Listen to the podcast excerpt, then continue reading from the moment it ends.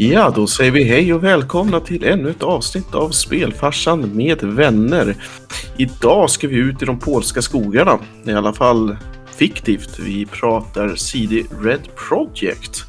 Och eh, som sagt, vi har stuvat om lite grann i programmet i och med att nu vi numera har fokuserade nyhetsprogram så kommer vi dyka direkt i Witcher, höll jag på att säga. Eller vad säger du Peter?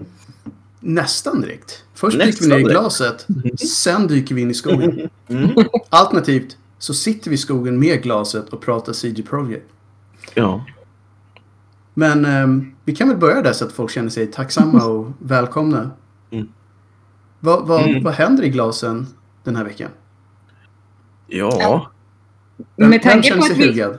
Med tanke på att vi sitter i skogen, Mhm. jag är ju född och uppvuxen i skogen, eh, så har jag en Autumn Blaze. The Mhm. Blaze. är en pumpkin ale, så jag smygstartar lite grann på halloween. För det är ju faktiskt första oktober idag. Det är det ju. Så då känns det ju faktiskt ganska reko. Och nu fick jag då veta att Linda är uppvuxen i Skogaholm. Exakt.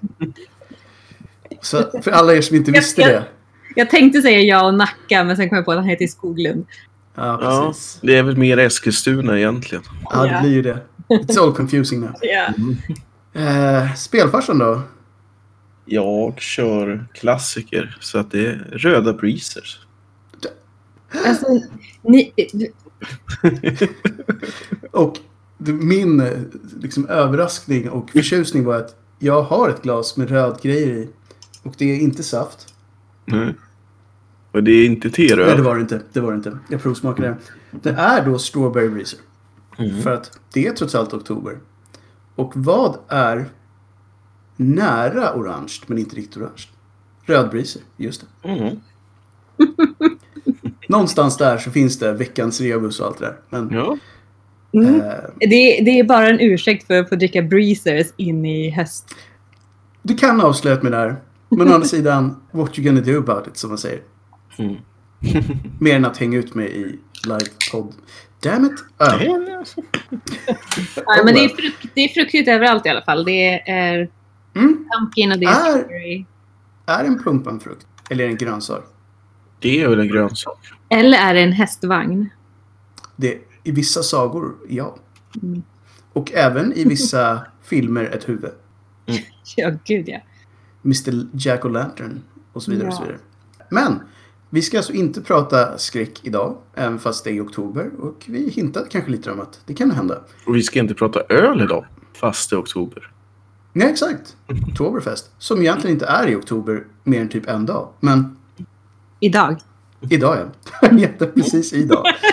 Eh, men den måste ju vara inställd i år. Den är så... Nej, nej, nej, nej, nej, nej, nej, inte i... Eh, vad var det? Var det Ki ja, i Kina? Ja, men Ja, de men- gör ju inte på riktigt. Eh, Jag tror att är det någonstans det är på riktigt i år så är det i Kina. Det Alltså, det, de pratar många tusen kineser. Jo, fast så många tusen kineser kan ändå inte vara i Bayern. Liksom. Men det händer i alla fall någonting som heter Någonstans händer det. Mm. Många tusen kineser är ju också en försvinnande liten del av deras befolkning. True. Sant, sant. Nej, jag tycker så här att Kina, good effort. Men ni är inte tillräckligt mycket tyska bajrare i läderhosen för att ni ska komma undan med det. Nej. Det skulle vara intressant då. Hur många tyskar bor i Kina? Ja, det är säkert ett gäng ändå. Det här är väl är vårt andra avsnitt där vi kör en studio i fokus. Jag försöker Ja, det är fiska det. i dammen av minnen från förr. Men det är det va? Ja. Mm. Så det här ska alltså handla om CD. Vi visste ju faktiskt inte riktigt vad CD Projekt står för. Och efter att ha kollat upp så vet jag fortfarande inte vad CD Projekt står för. Nej, men det är väl att det uttalas ju väl inte CD på, eh, på polska. Utan det, det, det, det är ju bara ett ljud. Ja. Ja. Zedde. Precis. Men jag tycker att det hade varit roligare om det stod för CD. Alltså S-E-E-D, CD. Vi är lite konstiga. CD. Mm. Nej, som sagt. Och jag trodde också att de hette CD Projekt Red. Men nu vet vi att det gör de inte. Utan de heter egentligen bara CD Projekt. Och CD Projekt Red är ett, en gren av företaget. Som Mm. gör deras spel. Mm. Men vi kanske ska, ska börja från, från början som man brukar säga. Mm. Ehm, alltså 1994 var ju ett mycket bra år för Sverige. Mhm. Det var väldigt bra för Sverige. Men det Ja. var tydligen lika bra för Polen. Mm. för att, you know. Enligt Nintendo var ju också 1994 the year of the cartridge. Oh. Jo, det stämmer. Tre bra grejer. Mm. Tre bra grejer 94. För alltså då de, vad ska man säga? De visste egentligen kanske inte riktigt om vad de höll på med. Men Marcin Iwinski och Michal Kisinski.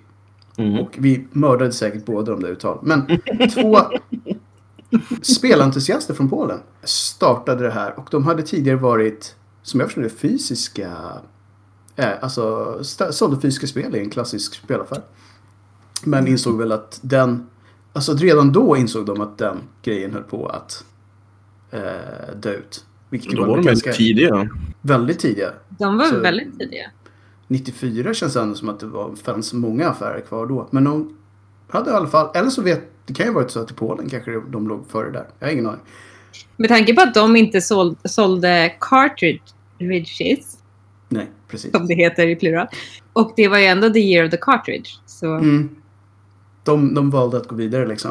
ja. Men de skapade då i alla fall ett företag som hette CD Projekt SA.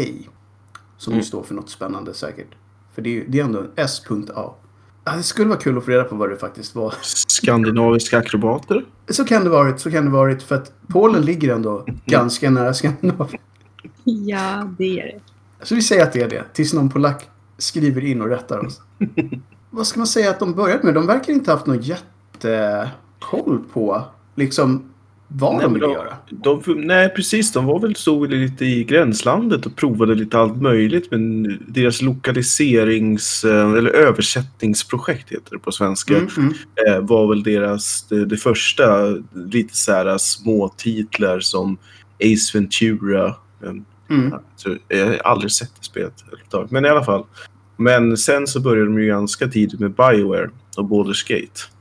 Ja, alltså jag hade inte koll på att det var de som hade haft både Baldur's Gate 1 och 2. Så den, på, å andra sidan var det bara den polska versionen, så det är kanske inte så konstigt. Ja, exakt. För deras, de levde ju... Jag tyckte det var ganska spännande när, när jag eh, läste lite grann om dem. För de levde ju verkligen i en värld där det var... Det var väldigt svårt att ta sig till västvärlden från Polen. Alltså Ja. väst. Även Nej. liksom... Alltså man kan tänka, det var ändå inte så långt efter 89 när muren föll. Nej, att, det precis. var fortfarande så här lite oklart hur man skulle göra massa grejer, misstänker jag. Ja, så de var ju verkligen så här, ville ju egentligen... Jag tror att de, de försökte på något sätt nischa sig genom att sälja liksom, importerade spel från då Mm. västvärlden. Västeuropa, ja precis. Mm. Och USA. Och, Men sen, det kan jag tänka mig att det måste ju varit en stor bransch. och det, Alltså det, fatta typ ha levt bakom muren till 89 och inte haft några av de här spelen. Och ingen Och sen import. är det plötsligt, precis, helt plötsligt finns allt bara typ att importera. Ja, det måste Men- ju... Det måste ju Samtidigt kan typ nästan inga polacker vid den tidpunkten engelska. Så att det måste ju varit en jättekonstig marknad som fanns i typ gamla östeuropeiska länder. Ja men verkligen. Och det var ju så här, de började väl hela den här lokaliseringsprocessen genom att typ översätta manualer och sånt. Ja. Eh, Också en svunnen tid. Men därmed, jag älskade manualer. Du får gärna Ja, komma tillbaka. men det var ju fantastiskt när man öppnade. Det var ju bara när man köpte en vanlig CD-skiva med musik på man kunde Ah. öppna den där lilla boken och bläddra i Så den. kände man den där doften av den här nytryckta grejen. Ja. Man tittade i den och bara, ja, visst det luktar inte hockeykort. Men det är så nära man kan komma. Ja, ja gud. Hockeykort. Det var nice. Mhm. Det var nice. I alla fall, de hade sin egentligen huvudfokus där på Baldur's Gate 1 och 2. Och sen så var det då Baldur's Gate Dark Alliance som var på gång. Och jag har väldigt dålig koll på det spelet. Jag vet att jag kollade upp det någon gång. Om varför de inte lyckades få det klart. Men av någon konstig anledning så ägde de koden till det spelet. Även fast de ju uppenbart inte kan ha ägt franchiset. Så de måste ju ha varit någon tredjeparts innehavare i hela den dealen. Så att Mm. de fick behålla koden när det projektet gick åt skogen och bestämde sig då för att, eller försökte i alla fall, eh, ta kontakt med Andrzej Sapkowski som ju är vid det tillfället egentligen antagligen bara var känd i Polen. För han hade skrivit eh, Witcher-böcker som ju inte alls heter The Witcher i Polen. Eh, men det var, det var populärt där. Så de pratade med honom och fick typ hans okej, ni får göra spel av eh, mina böcker. Men det som jag inte hade koll på heller var ju att det var att det fanns ett företag som redan hade fått den licensen. Mm, Metropolis eh, Software, ja. Mm. Mm. De hade fått den typ 97, så det var ju väldigt länge sedan. Det var ju långt innan. Ja, och att de dessutom hade gjort typ... Ett så här kapitel eller ett Ja. utkast eller demo eller någonting i den Alltså stilen. det känns ju som ett vaporware som man faktiskt skulle vilja se. Så här, hur Mm. kunde det ha varit om de hade fått sitt shit together liksom? Antagligen Mm. inte speciellt bra med tanke på att de valde att lägga ner det av någon anledning. Men Tror ni att The Witcher idag hade varit en tv-serie på Netflix? Om, om de hade gjort det. ja, Det vet man ju eh, inte. Svårt att säga, men antagligen inte. Med tanke Nej. på, att de uppenbarligen inte var nöjda med det de hade gjort. Eh, Mm. när de la ner det. Fast å andra sidan kanske jag inte hade kastat bort väldigt mycket timmar i onödan om de hade fått. Nej, vi kan komma tillbaka till hela den diskussionen. För jag tror att jag har lite ändrat uppfattning när jag har kollat på, på det här på senare tid. Men, men, Mm, men det är, bra, det är ett bra, bra surr. Vi tar det lite senare i programmet. Bara för att köra lite snabba timestamps vi kommer tillbaka till. De släppte första spelet då, vad blir det, 2007? eh, första Witcher kom 2007. Mm. Det skulle ha kommit 2005, men det blev Yes. ju väldigt försenat. Precis. Och sen så 2011 kom tvåan, 2015 kom trean och vi väntar fortfarande nu då på deras nya spel 2020, Cyberpunk. Så att egentligen ska vi i det här programmet ta oss från 2005 tills nu och se Mm. vad de håller på med. Det ska väl sägas också att innan första mm, Witcher kom ut så gjorde man ju lite, fortsatte man ju med lite samarbeten med Bioware och Mm. eh, lite andra sådana här, eh, vet du, Jade Empire och lite sånt som man var inblandad i och hjälpte till med på ett eller annat sätt. För Ja. antagligen för att dra in pengar. Ja, och Bioware, de hade väl säkert någon förhoppning om att de skulle kunna hjälpa dem att, att översätta sina spel till polska och såna grejer. För att de hade ju, fick ju dela deras monter på spelmässor. Mm, som du säger, precis. att de hade första Witcher-spelet bredvid Jade Empire. ehm, Mm. Som ju var ett, um, ja vad ska man säga, ett ganska ambitiöst RPG till original-Xboxen som Ett rätt bra RPG faktiskt. Ja, riktigt bra. Men jag tycker ju bara att vem är det som sitter och översätter spel? Alltså, eh, jag fattar ju, okej, det kanske var en annan tid och det var en annan plats Mm. i världen och man ville ha det på sitt eget lokala Visst. språk. Men vem skulle vilja spela exempelvis, exempelvis Witcher 3 på svenska? Hade det varit kul? Om det är samma Alltså, man- som översatte Shadowrun så absolut.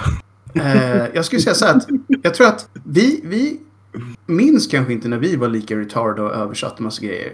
Mm. Förutom Asterix-filmerna som var fantastiska. Mm.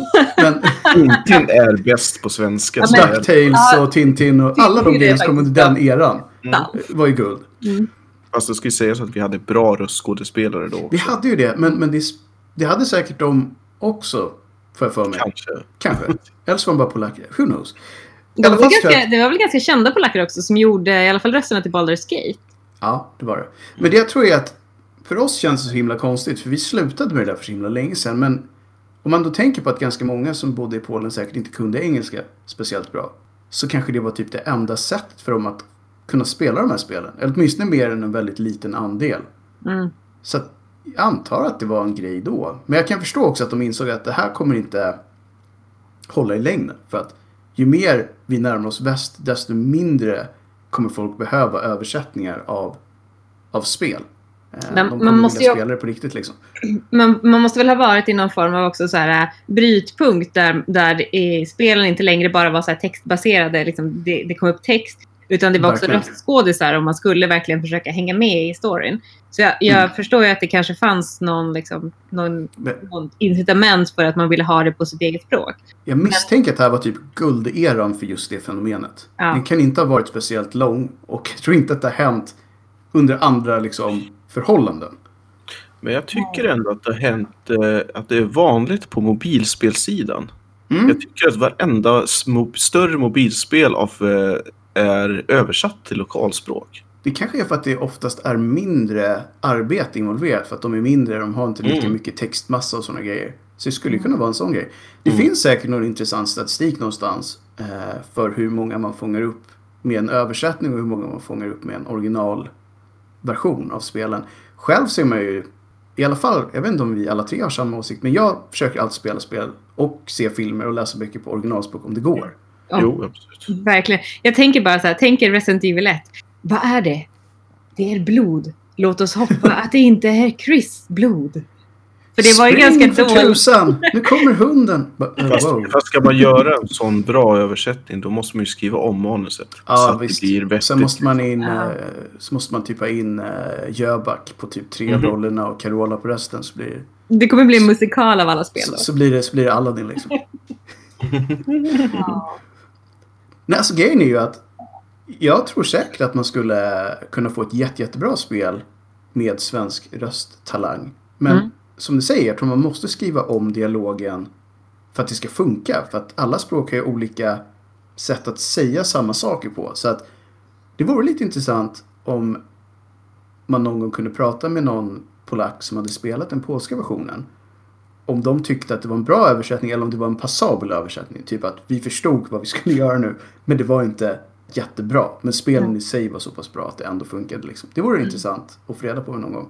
Ska man säga mer då? Själva spelnamnet The Witcher var inte myntat av eh, författaren. Vilket jag trodde. Utan det var en snubbe som hette Adrian antar jag. Istället eftersom han är från Polen och inte en amerikan. Eh, Schmilarz som var speldesigner. Som faktiskt har myntat The Witcher. Jag hoppas att han fick betalt för det. För det känns ju som att det namnet har ju verkligen blivit känt nu. Jag gissar att när man går in på en bokaffär så Mm. är det The Witcher man letar efter och inte... Ja. det- Mm. Så att det måste ju ändå vara en ganska skön fjäder i hatten. Bara, nej, det var jag som kom på The Witcher. Det hette inte alls det från början. Det hette ju Wiedźmin på polska. Och det var typ samlingsnamnet för den bokserien.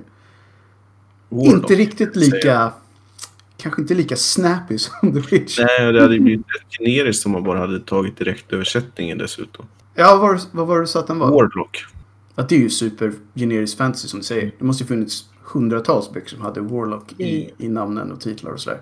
Ja. Ja, det är ett bra namn. Även fast man inte vet vad The Witcher är. Alltså vad är en Witcher? Så förstår man ändå så att det är någonting. Och det är unikt. Så man, man kommer ihåg namnet också. Så det var ju faktiskt ganska, Mm. ganska bra namn. Ja. Ja, så alltså från 2003 så började man då med The Witcher. När man hade... Det vore också lite intressant att veta hur mycket av den koden som faktiskt blev kvar i, i spelet när det kom ut 2007. För att de höll ju på och snickra på det där och hade ett demo som de gick runt med. Och ingen gillade det. Nej, det var ju typ... Det, det var ju ingen som sa ja. Det var väl två stycken som var lite så här... Ja, men det här känns som att det kanske Kan skulle kunna vara någonting, men ni har inte satt huvudet på spiken än. Nej, och om man förstår saken rätt så hade de ju egentligen fortsatt med typ samma vy som Baldur's Gate-spelen. Ja, den är ju byggd i Aura Engine. Det är Ja. ju Biowares. Så att de hade kanske liksom behållit lite för mycket när de gjorde det där demot. Mm. Så att om jag förstår saken, 2005 så bestämde de sig för att bara nej, vi, vi får ta tillbaka till, uh, till idéstadiet och göra det på riktigt. Mm. Och det var väl därför det blev försenat också. Ja, precis. Det släpptes ju som sagt 2007, vilket väl Mm. var två år typ försenat. Ja, precis. Och sen Och- släpptes det också bara till PC. Ja, Mm. ursprungligen... De, jag tror att det har lite att göra med just deras ursprung. Att de hade aldrig jobbat med konsoler överhuvudtaget. Hade kanske inte riktigt koll på hur man skulle porta till konsoler. Eller det hade de ju inte i, den, i de eh, miljöerna de hade jobbat med så hade man aldrig gjort det tidigare. Ehm, men det sål, eh, sålde ju bra. Jag minns när, det, när det kom ut att det ansågs otroligt snyggt. Men Mm. också att det var så tungt att köra att man behövde Och riktigt och buggigt. Man behövde riktigt, riktigt bra PCs för att få det här att rulla. Och om man säger så här, fighterna kändes, då kändes första Resident Evil smidigt. Mm. Ja, fighterna var inte, var inte den starka sidan i de här spelen. Det var ju egentligen den Story. unika spelvärlden. Det var ganska gritty. Det fanns inga riktigt... De var lite Game of Thrones innan Game of Thrones blev en Exakt. grej. Att det var, allt var typ grått. Det fanns bra människor. Men det var inte så nödvändigt att just de vann. Witcher själva var hatade av i stort sett alla. Men samtidigt behövdes de. Så det var liksom en mer...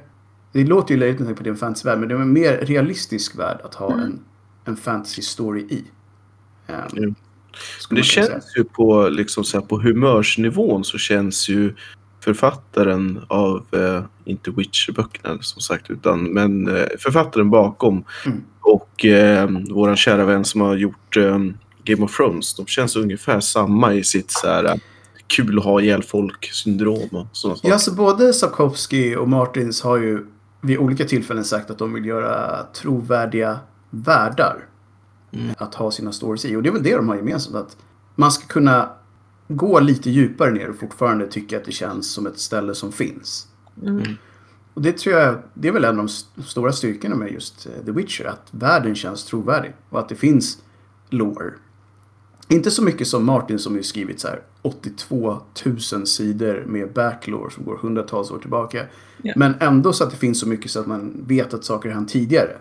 Och att det finns sammanhang. Även om de kanske inte liksom är så viktiga för storyn så vet man att det finns anledningar till saker händer. Och det tror jag var en av de stora grejerna till att det här spelet sålde, sålde bra. Mm. Vi kanske ska nämna lite vad The Witcher är för någonting. Ja, alltså en, en... Det finns ju egentligen ingen riktigt bra annan roll. Man tänker på så här lore som vi har här så finns det egentligen inte någon.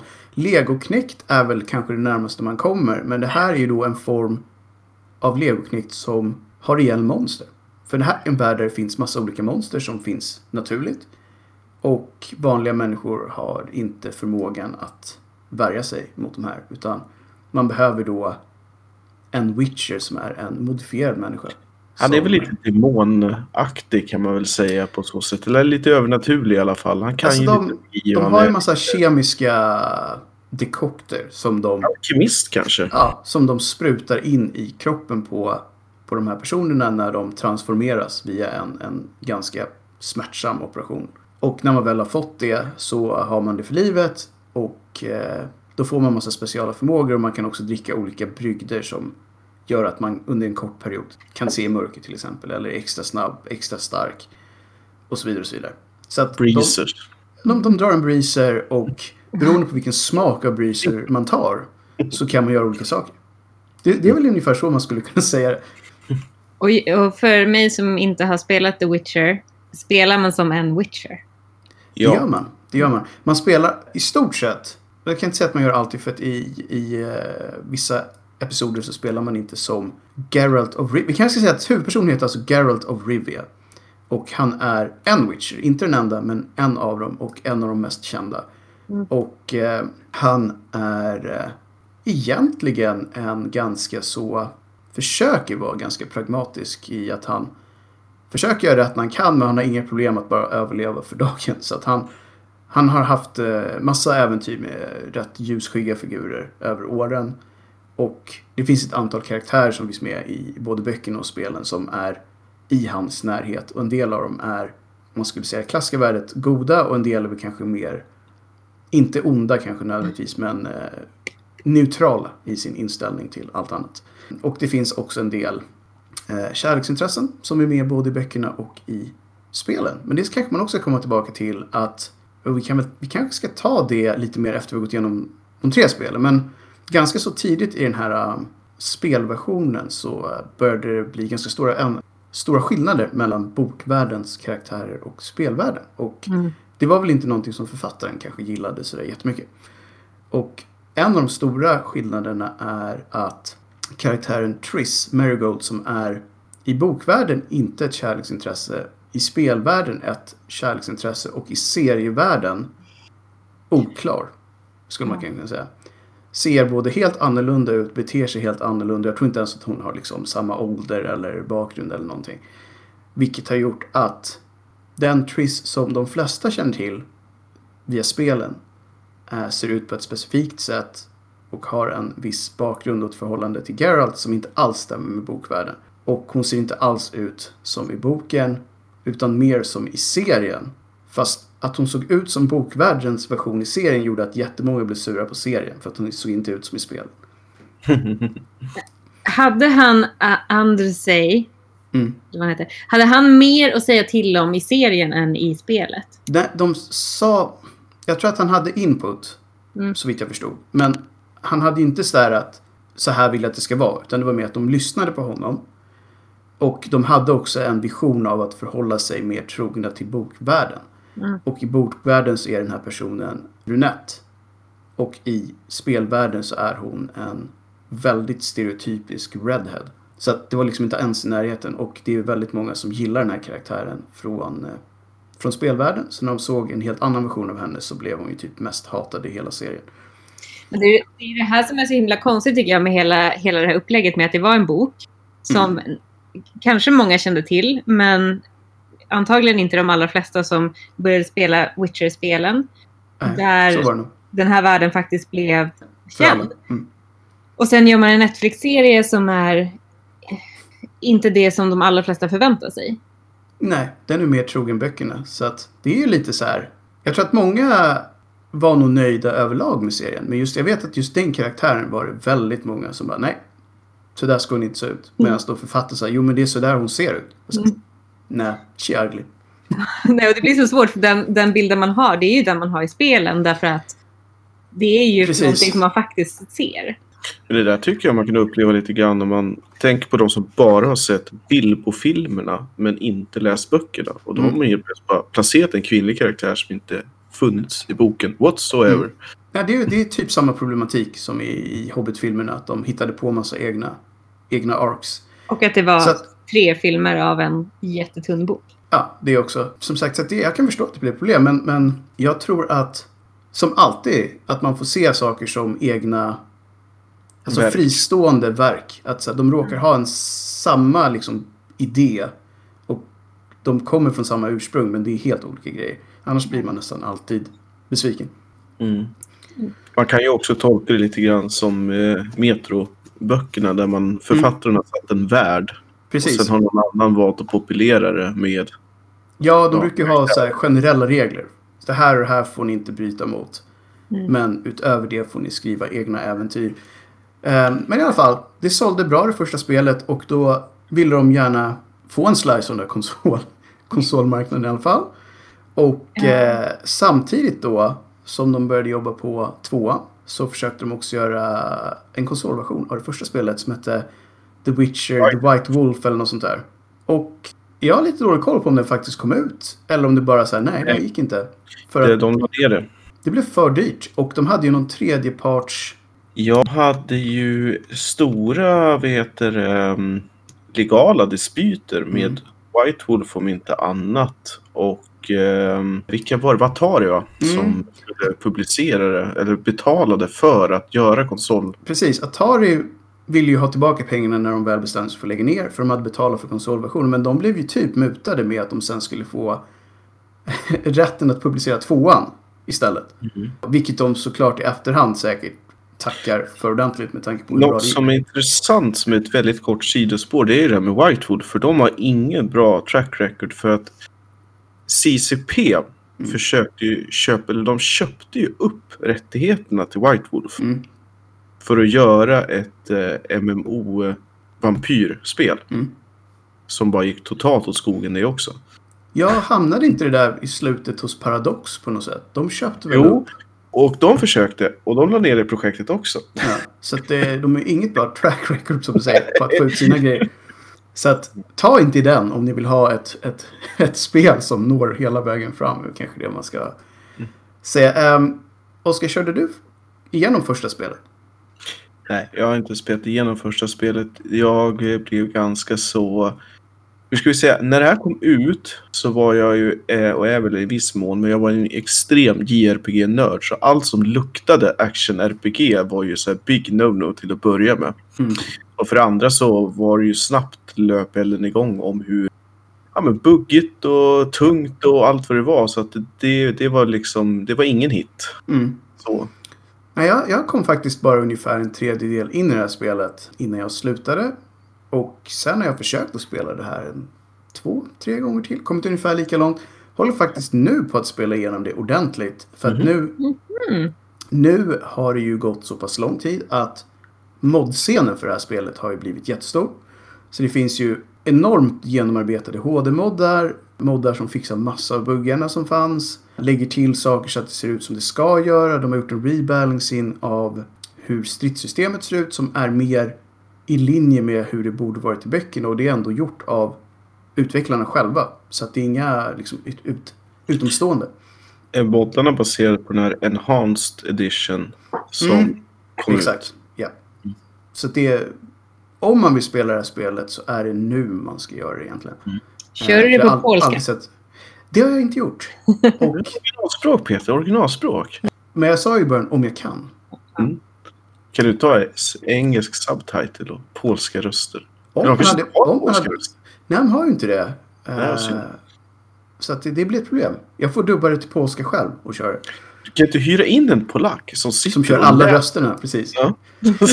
Ja, det skulle vara något. Jag har sagt, om man är beredd att mecka lite, för som allting som har med modscenen att göra så måste man hålla på och jobba ganska mycket mer innan man får det att rulla. Så det är kanske inte alltid jätteenkelt att få igång det. Men om man tycker sånt är kul, eh, värt att eh, lägga tid på det, absolut. Mm. Skulle jag säga.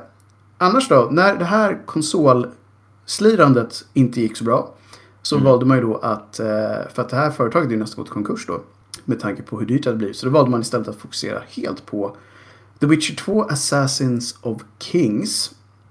Och eh, det var ju så här i efterhand tydligen helt rätt beslut då, för att när de släppte det här 2011 så sålde det 1,7 miljoner exemplar. Vilket ju måste ha varit jättemycket mer än de hade sålt av någonting annat tidigare. Men, men det var väl också när de släppte det till konsoler? För det, släpptes, det här släpptes ju också bara till PC till en början. Mm.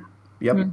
Och sen så kom det, jag har faktiskt The Witcher 2. Ursprungligen så köpte jag det till konsol. Mm. Och sen så på senare år när de finns överallt på alla reor varje år så plockade jag också upp det till PC.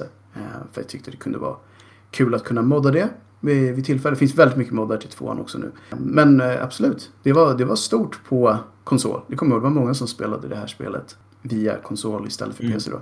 Just för att, som vi sa tidigare, för att kunna köra de här spelen på Ultra, eller vad de nu kallar det, så måste man nästan alltid ha en väldigt bra PC och det är ju, som vi alla vet, ganska dyrt. Och det var ju dessutom så att det var ju inte bara att du eh, behövde ha bra hårdvara utan det var ju att spelet var ju ganska taskigt kodat också. Mm, I alla fall det första. Ja. Eh, andra var ju bättre. Bättre var det. Eh, och jag kanske ska säga då att då, vid det här, när det här hände så hade de ju då startat upp CD Projekt Red som sköter alla deras spelutvecklingsäventyr och flyttat till Warszawa. Och det är där de fortfarande har sitt huvudkontor idag. Och det ser ju ganska coolt ut. Ja, det är... De har ju... Först ut deras egna Game Engine. Red. Precis, det vill säga att de la ju tid på att... Du kanske ska ta lite kort om, om, om vad den heter och sådär. Ja, alltså det, det är ju egentligen fyra iterationer man är uppe nu utav den, deras egna. Det är ju ungefär som Frostbite eller... Ah, nu kommer jag inte bara på vad... Eh, är Unreal eller vad som helst. men i alla fall. Så, eh, och den har ju då utvecklats eh, specifikt för det här spelet och är ju väl hyfsat välrenommerad idag ändå. Liksom. Mm. Alltså, speciellt The Witcher 3 så var det ju rätt så smooth sailing. Och Ja, verkligen.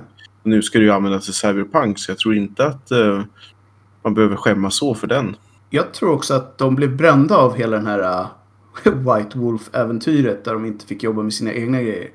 Så att de plöjde nog ner massa pengar för att skapa en egen motor som de verkligen visste hur den fungerade. Och som jag förstod saken rätt var lätt att porta till konsoler också. Det ska sägas att det är ingen lätt uppgift att göra en egen motor. Man tittar bara på eh, Valve som misslyckades med i Half-Life 3-lanseringen för att de fokuserade på sin Source Engine istället. Visst, och om man ska ta som du nämnde Frostbite var inte smooth sailing i början. De spelen som inte var Ja, om man ska veta, de spelen som inte var Battlefield mådde inte speciellt bra i den motorn. För att den Mm. saknade massa fysikregler för, för spel där det inte bara gick ut på att skjuta saker i liksom battles, eh, Battlefield-stil. Så att det är ett, det är ett stort, stor utmaning men också väldigt dyrt många gånger att, att fixa det här. Å andra sidan får man ju då tillbaka de pengarna sen när det väl är på plats. Plus att man kan licensiera den som man har gjort med Unreal Engine och så vidare. Ja, och Frostbite tror jag även används nu inom IA-paraplyet. Så att de får in liksom pengar på att de använder alla, alla sina studior och använder den. Liksom. Ja. Men så vitt jag vet så används ju inte den här av jättemånga andra företag. Jag tror inte den används av någon annan. Men Nej. Så att... Visst, eh, de har väl använt det till sitt så här, lite Stido-projekt med Mm. det här eventspelet och lite så. Men Precis. Ja, det är ju lite intressant. Vi kanske ska säga det också att numera så är CD Projekt Red ett gigantiskt företag. Ja. eh, ekonomiskt. Det är största spelföretaget i Europa och de är värda typ så här 9 miljarder dollar. Mm. Så Ja. de har ju gått rätt långt från White Wolf-konkurs-grejen där vid eh, tidigt 2000-tal. Ja, det är inte bara Michael och eh, Mm. Marcin längre. Alltså det är sjukt. Deras lilla, vi lägger ner den här fysiska spelaffären och gör lite annat. Mm. Tills nu, eh, 25 år senare, och ha ett företag som är värd nästan 9 miljarder dollar. är nog ganska häftig resa. Mm. Jo, jag kan tänka mig. Det är ju som Amazon till exempel. Mm. Ja, men just när man tänker på att de här två guysen bara gillade spel. Jag gillar liksom tanken på att, Ja, och att de växte upp i så här östblocket. Liksom, i öst, eh, verkligen. måste... Framgångsstory, game style. Jag man undrar, de måste ju ändå haft någon utvecklarbakgrund. För jag tänker att i början så visst att de liksom kom in med att de satt och översatte och så, men Jag tror inte att vi pratar om alltså, hemma-hackers. Mm. Alltså sådana där sitter och knåpar lite själva. Som sen lärde sig hur man kom åt source-koden i spel och bara började översätta textgrejerna liksom. Mm. För att de anställde ju väldigt snabbt folk under sig när de började göra egna spel. Så Mm. det verkar inte som att de var så involverade i själva de var inga spelskapandet. Gurus själva direkt. Jag inte. Nej, utan jag tror de bara var, hade fingertoppskänsla liksom för vad man borde göra. Och lite nördiga. Och lite. Jag kan till och med tänka mig att de var mer än lite nördiga. Ja. Sen hade de väl tur att få, få tag i rätt folk också. För det brukar ju Ja. vara liksom A och O att man, de här första guysen är ju svinviktiga. Att de, Ja, och det var ju den här killen som, som var med där på det första skeppet fram till 2003. Han slutade ju faktiskt. Mm. Kan tänka mig att han ångrade sig en aning så här efterhand. Jag tror han hette Zelinsky eller något sådär. Så Zelinsky är inte alls bitter idag. nej, det finns ju alltid en sån dude som alltid. lämnade. Så, Det är alltid en kille som bara, det här kommer ju aldrig gå någonstans. Mm. Screw you guys, I'm going home. Och sen en vecka Ah. senare så bara, sold millions. Det, det finns, men det är alltid så här, alla de som gör en sån hör man talas om. Men det är säkert tusentals som hoppar av saker som aldrig blir någonting heller. Så, att, Exakt. Ja. så är det ju. Så. Men det är som klart, han, han kanske blir lite bitter så här efterhand. Mm. Det skulle inte förvåna mig. mm. Men i alla fall, tvåan. Great success. Och de började jobba på, så vitt jag förstår, så började de ju jobba på trean nästan på en gång efter att tvåan hade kommit ut. Jo. Ehm, Men de Och- hann väl annonsa efter att tvåan hade Mm. släppts och innan de började prata om trean så hann de väl ändå annonsa Cyberpunk va? Lite grann. ja, alltså. Den annonsades väl, var det 2015 eller något sånt där? Mm. Och, så det måste ju varit åtminstone i samma veva liksom. Ja. Som det där. Sen vet jag inte riktigt nu så var det så, alltså med tanke på att Cyberpunk har varit igång så länge. Så kommer jag inte riktigt ihåg hur de annonsade det. Om det var då de sa att de hade fått rättigheterna. Eller om det var då de sa att de hade börjat jobba på spelet. Jag minns faktiskt inte vilken ordning. För jag minns att det var ett rykte först. Ja. Att ja, jag har hört att CD Projekt Red ska göra ett Cyberpunk-spel. Sen minns inte jag hur lång tid det tog för det ryktet att bli vi kommer göra ett spel. Och det Nej. kommer bli awesome. det, jag kommer faktiskt inte exakt ihåg hur den, hur den eh, resan såg ut. Men det har hållit på väldigt länge nu i alla fall. Det, det, den saken är ju klar. Herre. Och de måste ha kört parallella spår med tanke på att Cyberpunk är ju, det är CD Projekt Red som sköter det, men de skapade ett nytt kontor för det spelet specifikt. Och det jag tror det var just säkert för att man skulle kunna producera två spel samtidigt. Just Mm. Witcher 3 skulle fortsätta göras i Warszawa på gamla kontoret. Så startade de också ett helt nytt kontor som skulle fokusera på uh, Cyberpunk. Och det känns väl ganska, alltså det är ju så ganska många företag som växer gör. Att de skapar liksom olika spelstudios som, som jobbar med olika projekt. Så var det nog. Att de, de hann säkert få ut att de skulle göra det innan trean Mm. kom ut. Man ska väl kanske säga att Witcher 3 var ju då lite annorlunda från de tidigare spelen de hade gjort. De hade ju alltid haft en ambition om att spelen skulle gå att spela på Underligt nog med tanke på hur krävande de var, att man skulle kunna spela dem på äldre konsoler eh, och äldre PC då. Men trean så gick de ifrån det. Och sa istället nej vi ska göra ett spel som är så bra som möjligt, så ambitiöst som möjligt. Och vi kommer släppa dem enbart till den nyaste generationens konsoler och till PC med en fokus på high-end Mm. sidan av PC. Så De att man får ut så mycket som möjligt. där i samma veva antagligen 20-talets sexigaste trailer. Mm, den var sassy. so sassy. Man kanske ska säga det att eh, de har använt ganska mycket sånt i hela Witcher-franchiset. De, de har aldrig, aldrig hymlat med om att det är en ganska vuxen värld som Nej. The Witcher handlar om. Och det går säkert hem hos många, men också misstänker jag kan vara säkert eh, en grej som stöter bort ganska många. Att det är ganska våldsamt. Det är öppen rasism i den här världen. eh, Folk blir mördade, torterade. Det är inte rättvist och så vidare. Så att det, det är en smutsig och rå värld. Och det har de aldrig försökt att dölja. Mm. Sen också så hade de ju lagt ribban enormt högt när det kom till det visuella i Witcher 3. Eh, Mm. Så högt så att många blev rätt besvikna sen när spelet kom ut Mm. första dagarna för att det levde inte alls upp till den trailern som de släppte. Det är ju ett, ett klassiskt problem i spelvärlden. Att man gör en trailer som är galet snygg. Mm. Och sen kommer spelet och så får, undrar folk så här, vad hände? För ofta så släpper de ju den här trailern. Man bara tar ett exempel. Så här, E3 brukar ju vara ett ställe där man släpper en riktigt sexy trailer. Ja. Och då brukar det vara typ året innan spelet kommer ut. Och sen kommer spelet ut och då sitter folk och så här, den, nej, men så här såg det inte ut i trailern. Nej. Vad, har hänt med alla mina extra pixlar liksom? ja, exakt. Och det är ju sällan gameplay Det, egentligen. precis. Så att det där är alltid farligt. Som, som, som Oskar säger, att de fick ganska mycket så här, men okej det är snyggt. Vi säger inte att det är fult, men trailern var snyggare. Vad, vad hände här egentligen? Och det var väl någonting som de, jag tror att de patchade trean ganska mycket eh, i början. Men man ska ju inte hymla med om att det, det var väldigt, väldigt framgångsrikt redan från början. Eh, släpptes då 2015. Och bara de första sex veckorna så, så sålde de 6 miljoner exemplar av spelet. Vilket ju är galet mycket. Ja, men det är ju helt. Och hur många utmärkelser fick de inte? För de fick ju ändå för Witcher 2 så fick de ju någon så här Best Game in its Mm. genre och Game of the Year och så. Men Mm. för eh, Witcher 3 fick de ju, alltså det var ju så Ja, den, den, den, den spel, nu kommer jag inte ihåg om det var PC Gamer Award eller någonting. De kammade hem jättemånga Mm. spel. Och eh, ja, som sagt, man kanske ska säga också att om man tänker då på hur, hur nära konkurs de var där i början. Att de la 81 miljoner dollar på att göra Witcher 3. Mm.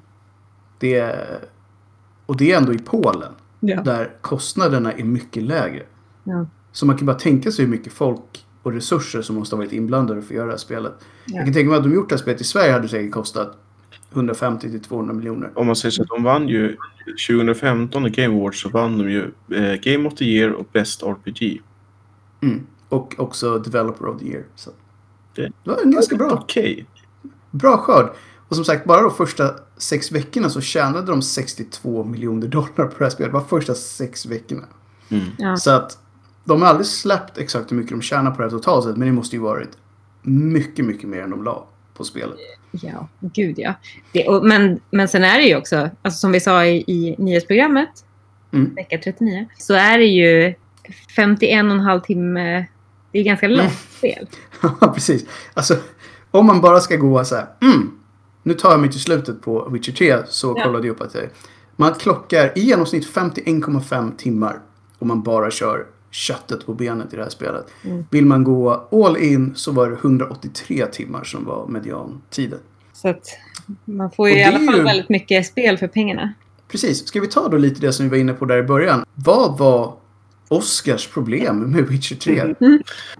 Ja, alltså det, det, det... Jag skulle vilja säga att någon gång kanske, som Peter är inne på, att man kanske kan omvärdera det. Men jag tycker ju att den lider lite grann av den här öppen världssyndromen som går ut på att det finns så otroligt mycket extra att göra så att jag fastnar så, så mycket det så jag tappar bort storyn hela tiden. Det är ju så här, ja, det kanske är meningen, men jag är ju mer för att det får gärna vara en öppen värld, men jag vill ju gärna ha lite mera riktlinjer som driver en framåt, så att säga. Man skulle kunna säga att du vill ha en klassisk breadcrumb. Ja, faktiskt, i, i någon mening. Sen har jag absolut ingenting emot Sidequest och sådana saker, men min andra poäng i hela, det var som när jag spelade sist eh, eh, Far Cry 5 eh, New Eden, så eh, gjorde jag allt man kunde göra och sen så smiskade jag igenom eh, huvudstoryn på typ en kvart, kändes det som. För att det var så busenkelt för att jag hade sprungit och hämtat alla specialvapen och hemliga kistor och fasen hans moster liksom. Mm. Men är inte det härligt att få ge sig hän till någonting som man inte behöver bry sig om konsekvenserna? Alltså till skillnad från liksom verkliga livet där man vet att man måste gå upp klockan sju på morgonen. Numera är klockan 9.14 och bara öppna datorn. Men It's a better world. Liksom. Fast i min situation så är det ju så att jag har ganska så begränsad tid att spela och då är det väl lite mer så att jag vill ju ändå bli klar. uppleva det bästa i spelet. Och se, Ja. alltså det, det, det, får lite sådana till det. Hade jag haft all tid i världen så hade det här antagligen inte varit ett problem alls igen. Okej. Alltså, jag håller med om att det är... Alltså jag, jag har alltid varit en person som gillar att göra allt i spel. Oftast i alla fall. Alltså, Speciellt när det gäller RPGs och JRPGs. För att det är ju storyn som är viktiga och ju, mycket, ju mer av storyn jag får liksom uppleva desto roligare tycker jag det är. Men jag håller med. Witcher 3 är ett gigantiskt spel. Så fort man går runt liksom knuten och kommer in på nästa gata så står tre snubbar till där och vill någonting. Eh, och jag tror att det både jag och Oskar liksom behöver göra när man kör de här spelen det är att förtrycka lockelsen i att bara följa med flödet. Och det är ett problem. Alltså det är, det är som de har 180 timmar är vad man kan trycka in i det här spelet om man går lös ordentligt. Och det tror jag är då säkert utan de två jättestora expansionerna och patcharna som de släppte. Så man kan nog få 300 timmar i det här spelet nu utan vidare. För det var stora expansioner. Jag har kollat på en, en känd streamer som har spelat om Witcher 3 inför eh, releasen av Cyberpunk för att liksom komma i stämning. Och han har ju kört det här spelet tidigare och har nu den här gången kunnat fokusera på storyn. Och storyn är fruktansvärt bra i det här spelet. Men, Och karaktärerna är riktigt, riktigt bra. Mm.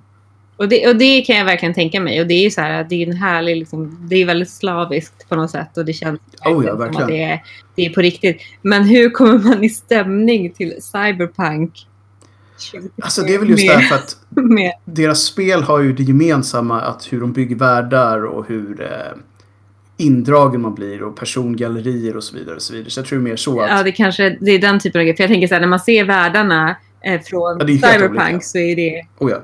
Två helt olika genrer, två helt olika sorters världar. Men det är ju samma hantverk. Jag tror det är mer det som han känner att så här, nu är man indragen i en sån, sån härlig story liksom igen.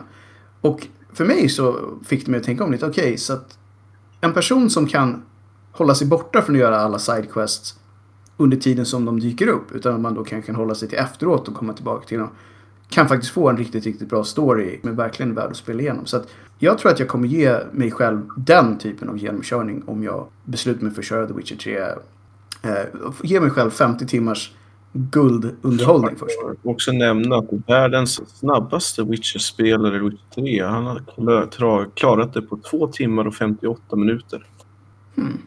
Man undrar ju vad han har Ja, hittat det för finns exploits. på speedrun.com kan man bara trycka på videoikonen så kan du se precis vad han har gjort.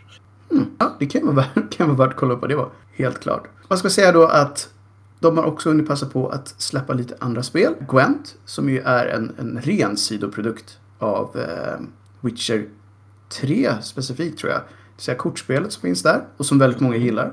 Har ju då, fick ett helt eget spel som bara är ett kortspel. kom ut 2018. Och jag tror att folk som gillar kortspel tycker att det är kul.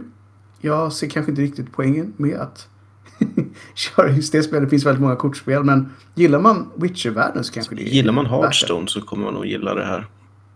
Så Det, det har du nog helt rätt i. Men, Eh, och ja. Mm. men det är ju... Jag tänker på att folk som gillar typ Hearthstone eller sån, den typen av spel, de gillar ju att bygga upp sin lilla däck. Alltså det är, det är ju typ det som är grejen. Snarare än att spela ut korten så är det ju att bygga. man bygger däck Ja. i det här spelet också. Mm. Eh, i, i, I The Witcher 3 så är hela subplotten med Gwent att man spelar mot massa folk i världen och vinner man mot folk som är duktigare så, så får man långsamt eh, bättre kort. Mm. Och man kan vara med i turneringar och allt möjligt också i spelvärlden. Ja. Så att det, det är ett, lite lustigt för det är verkligen en hobby som finns i den världen. Ja. Folk gillar att spela Gwent. Så att jag kan förstå att de gjorde det. Och 2018 så kom de också ut med Thronebreaker, The Witcher Tales, som är ett lite lustigt spel. Det är alltså ett, ett rollspel med väldigt, väldigt mycket story. Det utspelar sig, jag tror att det är kanske 50 år eller någonting innan Witcher-spelen i stort. Men striderna sköts via kort. Så att de gjorde någon mash där, så att det är ett taktiskt kortspel i rollspelsvärld och rollspelsstory. Och jag blev väldigt förvånad. Jag trodde inte alls att det skulle vara så, så mycket mer än kort. Men det är värt att spela. Om man tycker kort är okej så är det värt att spela. Tycker man kort är roligt så tror jag det är ännu roligare att spela. För att då är det verkligen ett kortspel som man har lagt mycket, mycket tid på. Vi kanske ska nämna lite kort innan vi hoppar på Cyberpunk lite mer att um, någonting som CD Projekt är väldigt kända för, men som kanske inte alla vet, har med dem att göra, ju GOG. Som de äger och grundade, alltså Good Old Games som stod för från början. Som är en speldistribueringsplattform till PC. De startade, jag tror, ja, vad var det, 2008 eller något sånt där? 107 tror jag. Och 2007 kanske det var. Och deras mål från början var att släppa gamla spel DRM-fria till PC. För de tror inte på DRM som en idé. Utan de tycker att spel ska vara DRM-fria, man ska äga spelet och det ska vara lättillgängligt. Och deras utopi är också att spelstudior ska släppa expansioner och annat som inte är då fullfjädrade expansioner gratis. Så att det var det de hade som idé från början och GOG har ju blivit långsamt större och större. Och ska man hitta gamla spel så är ju de, skulle jag säga, nummer ett stället numera att kolla på. Och jag vet inte exakt när de gick ifrån det, men numera så har de också eh, moderna AAA-titlar som de säljer där. Men från början så var det just om man vill köra Sam Max Hit the Road eller något konstigt. Eh, Det vill man ju. det, det vill man, det vill Ja. man. eller Kings Quest från tidigt 90-tal, då var det dit man. Ja. Man tog sig. Ja. Och de brukar ganska vettiga priser och ja, ett bra community. Det brukar vara mycket folk som gillar gamla Ja, spel. ett eh, nutida exempel är ju Beneath the Steel Sky. Om man nu spelar originalet Absolut. innan man ger sig Absolut. på det nya. Mm. Så att för folk som är intresserade av eh, klassiska spel och vill få tag i dem så är GOG eh, oftast ett bra ställe att börja på i alla fall. Så kan man kan säga, så de har säkert fått ökat över åren ganska stora intäkter från GOG. Men det är jag. lite roligt för det Eh. försökte ju Paradox också göra. Mm, ja, stämmer. Men eh, jag vet inte riktigt hur, hur det kommer sig att GOG lyckades så bra. Men jag tror att det kanske var just för att de verkligen gillade gamla spel och, och att det skulle vara just Ja, DRM-fria en nisch som så är... att folk eh, här, ja jag har Steam men jag tycker att det här verkar som en schysst och sund idé så att jag går nog hit och köper lite. Ja, folk och jag är en av dem gillar idén av att jag faktiskt äger mitt spel. Att jag inte bara har en licens. För att på Steam så kan du när som helst bli av med ditt spel. Om de bara stryker spelet ur sitt bibliotek. Så är hur många det- tusen spel skulle du förlora då? Oh, om jag Mm. blir av med Steam nu. Sammanlagt så har jag 552 spel. Det är rätt stadig mängd ändå. Mm. Ja. Och då kan man ju då se att Steam, ja, det var kanske en tredjedel av de spelen som är på Steam. Eller något sånt där. Så att visst, man skulle kunna bli av med ett helt gäng spel där, helt klart. Och det är det som jag tycker är lite synd. Att folk kanske inte alltid vet just att äger man inte med en licens så kan man faktiskt bli av med saker som man har köpt. Mm. Och som man kan tycka då att man äger. Men det gör man inte. Man äger ju bara licensen under, under den tiden som den finns tillgänglig. Men nu kanske vi ska lägga sista stunden på Cyberpunk. För det är kanske det som folk är mest sugna på nu. För, för det är ju inte långt kvar Nej. alls. Nu har de ju tvingat sina arbetare att jobba sex dagars. Mm. Exakt, nu är de inne i the Mm. crunch. Så att förhoppningsvis så blir det väl ingen... De, de sa ju faktiskt, och det var ju kanske lite olyckligt, de sa att vi kör inte crunch. För vi, Mm. vi gillar inte sånt här. Vi kommer aldrig köra crunch. Vi, vi gör inte sånt på CD Projekt. Och sen nu har det blivit för sent antal gånger och de beordrade crunch. Sex dagars arbetsvecka. Men till skillnad från väldigt många andra spelstudios så var de väldigt noga med att alla anställda ska få väldigt bra betalt för den övertiden de lägger. Jo, och sen var det bakgrunden lite grann var ju också att det förekom ju rykten om eh, missgynnsamma förhållanden på CD Mm. eh, Projekt Red. Någon som var ute Mm. på Twitter och skrev om att det här var inget bra och så vidare. Och så vidare. Så att man har väl försökt ganska hårt att eh, bygga upp den här imagen igen om att man är ett schysst företag. Mm. Ja, och jag tror att många gillade den idén från början. Så att bli av med den skulle de kosta dem mer än att faktiskt bara ge sina anställda vettigt betalt. Jag tror det är det de har kommit. Speciellt när de är värda 9 miljarder. Ja, och sen tror jag att det är polsk lag också någonstans. Så att det ska Mm. ju vara dubbla ersättningen om du jobbar helg. Eh, Cyberpunk däremot, om vi kommer tillbaka dit, är ju då en helt annan typ av upplevelse. Det är, det är sci-fi och det är byggt på ett brädspel från början. Har ingenting med författarbakgrund att göra. Det enda som de hade gemensamt var att de tyckte att det var en immersiv stor värld där man kunde göra häftiga äventyr egentligen.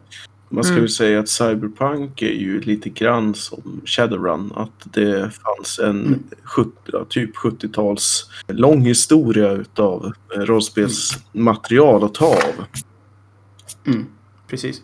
Och, Ja, det fanns ju en cyberpunk-kult precis. sen tidigare. Och den kan man ju expandera var det säkert de tänkte. Få ut det här Mm. till, på samma sätt som de gjorde med Witcher. Att ta någonting som finns, göra det tio gånger större och sälja den till alla som gillar den här typen av äventyrsspel. Ja. Och sen nu den här gången så ska man kanske säga att hypen har blivit helt galen. Med tanke på att de nu står på legacyn av att ha gjort alla de här spelen tidigare som har sålt väldigt bra. Men också att de eh, känns den här gången fokuserade lite mer på Hollywood-trenden. De fick in kända ansikten. Eh, Keanu Reeves är väl såklart den mest kända här. Men också tagit in mycket kändisar från gamingvärlden för att göra små cameo-roller och små story quests här och där. Så att de har försökt att få både mainstream och gaming-communityt väldigt sugna på det här spelet. Och jag skulle säga att de har lyckats, för hypen är ju väldigt stor. Ja, En lite rolig så här, notis i det hela det är att den second edition av Pen and Paper-spelet och Cyberpunk heter Cyberpunk 2020. Som kan vara lite förvirrande. Ja, det är aldrig bra att ha samma namn med på olika ställen. Men i alla fall, det här spelet kommer ju då förhoppningsvis ut ganska snart. Och jag tror, utan att vilja lova någonting till mig själv, att jag kommer skaffa det ja, ganska snabbt efter att det kommer ut. Jag kommer ge dem ett par veckor att patcha upp det här och där. För det kommer behövas som alltid. Men sen kommer jag nog testa det. Jag tror att det... Jag kommer nog inte ha några större förväntningar på det än så. Det var länge sedan jag körde ett rent sci-fi spel. Som inte var ett JRPG. Så att, kan vara kul att testa. Se vad de kan göra med det. Jag har sett de här dev, alltså så här devlogs-programmen de har haft. De har visat lite olika, olika aspekter. Man ska kunna vara detektiv och kolla runt, leta ledtrådar. Och sen har det varit ganska mycket action. Så det verkar finnas ganska mycket i det här spelet som man kan göra. Så att, tillräckligt mycket för att jag ska vilja kolla upp om det är kul. Ja, verkligen. Jag tycker att det ser ju spännande ut rent eh, artistiskt. Eller vad ska man säga? Ja, rent grafiskt så ser det ju väldigt spännande ut. De har en spännande vision. ja, det har de verkligen. Typ. Förhoppningsvis så blir det någonting mer än bara ett Grand Theft Auto i framtiden. Mm. Jag har och för sig inget emot ett Grand Theft Auto i framtiden, egentligen. Fast då kanske man inte skulle basera det på den här världen i så fall. Nej, nej, det skulle man nog inte. Men, vad, Jag, menar, ska... jag, jag kan ju lägga ner timmar på Grand Theft Auto och inte egentligen spela Grand Theft Utan runt ja. ja. Ja, Det, ja, oh ja. Men det känns som att det känns som lite så här... äh, Kan tycka att de har kanske inte tagit ut den stora potentialen i den här världen. Om man bara Nej. åker runt i en schysst neonstad i framtiden. Vilket i och för sig skulle vara rätt nice. Men, men som sagt, kanske ett annat spel som funkar bättre för det. Mm. Man kanske också ska säga att det gick ett rykte ett tag om att EA var sugna på att köpa upp CD Projekt. Vilket jag nu inte förstår hur de skulle haft råd med om det är värt 9 miljarder dollar. nej. Men det här ryktet sköts ner av eh, den som är chef för spelstudion, Adam Badowski. Och han sa ju att vi vill alltid vara fria från eh, ägandeskap eftersom vi vill kunna skapa de spel vi vill skapa och att vi vill hålla oss till DRM fritt så mycket vi bara kan. Så att om det stämmer så är jag ju nöjd. Så säger de tills Microsoft kommer och säger hej. Precis, för Microsoft har ju sagt att de ska köpa mer grejer. Ja. Och kan de köpa Zenimax för 4 miljarder dollar så kan de säkert köpa CD Projekt för 10 miljarder också. Eh, Tror ni att det här kommer stå sig mot Mass Effect till exempel? Mm, det är svårt att... Jag, det är, jag förstår vad du menar, men jag, jag skulle ändå säga att Mass Effect... Då är det också, menar du ettan eller menar du typ trean? Ja, någonstans och lite nyare då kanske. Mm. Senare stenen. Jag hoppas att det här är smutsigare än vad Mass Effect var. Mass Effect var fantastiskt. Hela vägen fram till sista scenen i tredje spelet när det inte blev så magiskt längre. Men fram tills dess, fantastiskt bra tycker jag i alla fall. Men det var aldrig så gritty. Det var high fantasy gone sci-fi skulle jag säga. Mm. Det här hoppas jag mer är eh, alltså crime noir i framtiden. Jag håller ju stenhårt på det här spelet. Jag håller ju jättemycket på de här killarna. Jag tycker, de är, jag tycker det är så roligt. Men jag har ju aldrig riktigt gillat Witcher. Så att jag kan ju liksom inte... Jag misstänker att du skulle gilla det här bättre. Exakt, jag vill ju verkligen tycka om det de gör. Ska vi, utan att lova någonting, säga att om vi gillar det här spelet så Då kanske spelar vi, kanske vi spelar lite grann, men Ja. också kanske kommer tillbaka till det i något program längre fram. Djupdyker Ja. just i det här spelet och kanske Säkert. fenomenet runt omkring det spelet också vore kul att se Absolut. vad det landar i. Eh, som, som Oskar tog upp tidigare, att Witcher 3, trots att det var ett fantastiskt spel, gjorde ganska många besvikna i början just för hypen. Inte riktigt motsvarade resultatet. Och Det vore kul att se om det sen händer samma sak här. Mm. Eh, vad, vad händer liksom när det kommer ut? Och vad tar det vägen? Så det vore kul att se. Mm, absolut. Jag vet inte om vi har så mycket mer att säga om CD Projekt just nu. Vi har nämnt, de har inte gjort så många fler spel som de själva gjort än de vi har nämnt. Vi vill inte säga så mycket om vad de här olika spelen handlar om, för det är ju ganska feta spoilers för alla de som faktiskt skulle vilja köra de här spelen. Och trots att vi har nämnt en del saker som vi själva tycker är problematiska med dem så är det ju ändå spel värda att ge en chans, skulle jag säga. Och då är det bättre att vi inte säger vad de faktiskt handlar om i mer detalj än så. Är, är det någonting mer som, som vi borde säga? Eller ska vi gå rakt på vad vi rekommenderar att folk spelar och lämna det där? Mm. Ja, jag tror det. Det känns ju... Låter vettigt. Ska vi börja med Linda då? Har du något spel som du rekommenderar den här veckan?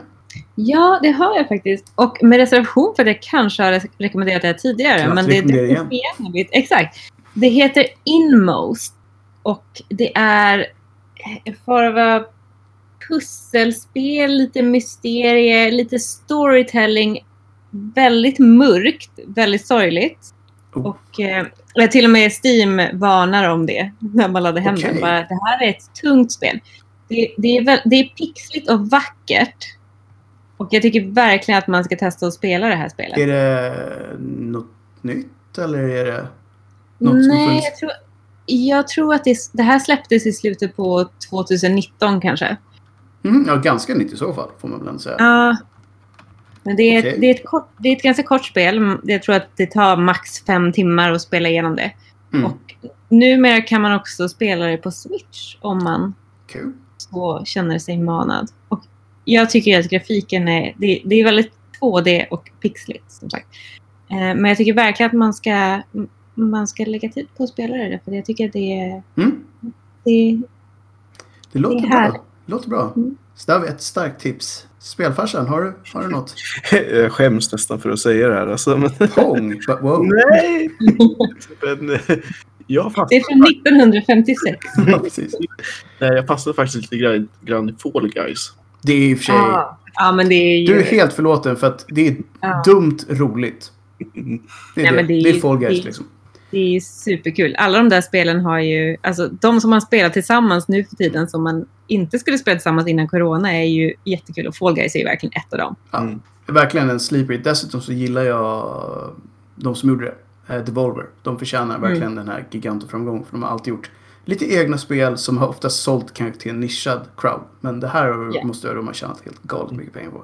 Så det är kul. Själv så har jag ju som den enda av oss tänkt att det är oktober nu. Då ska jag skräck. Mhm. Men det här, spel var lite... eller Lite, lite skräck. Okej, en hint av skräck letar sig in. Mm. Song of Horror heter det som jag tänkte rekommendera. Och det Mm. kom ut, tror jag, i maj i år faktiskt. Oh. Och eh, är ett third person, fixed camera, så gamla klassiska Resident Evil. Ett Mm. eh, skräckäventyr. Och man ska då ge sig in i ett hus med lite olika personer och försöka pejla ner en mysterious entity som finns där. Och som har gjort ganska hemska saker med andra personer som har varit inne i huset tidigare. Mm, Gud vad spännande. Är det Steam eller vart Det finns på Steam. spelar det? Det finns Ja. på Steam. Ehm, Jag trodde att du skulle säga Port Royal. Det senaste. Nej, men det är inte, det är inte läskigt. We, we can't do that. Det är, det är ett fantastiskt spel.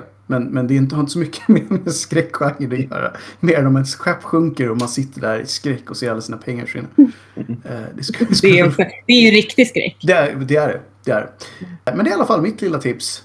Jag tror även det här finns på, på konsoler också om man skulle vara sugen på det. Mm, för på Steam verkar det bara finnas till Windows. Det kan jag för tänka mig. Det är väl där det brukar börja. Ja, vi kanske inte har så mycket mer att säga om det. Om vi ska hinta lite framtida program så kommer det såklart mer nyheter. Ja. Vi försöker att släppa ett per vecka och då kommer de försöka komma ut på måndagen veckan efter så att det är så nära inpå som möjligt. Och eftersom det är oktober som jag nämnt nu ett antal gånger så kommer vi också försöka att köra vår årliga tradition av ett skräckprogram. Jawohl. Så att vi får försöka tänka lite. Vad har hänt sedan förra året? Eller är det några klassiker som vi bara har missat? Mm. Med det så är vi kanske färdiga, helt enkelt. Mm. Säger vi tack och hej då. Det gör vi. Tjingeling och på återseende. Hej. Hej hej!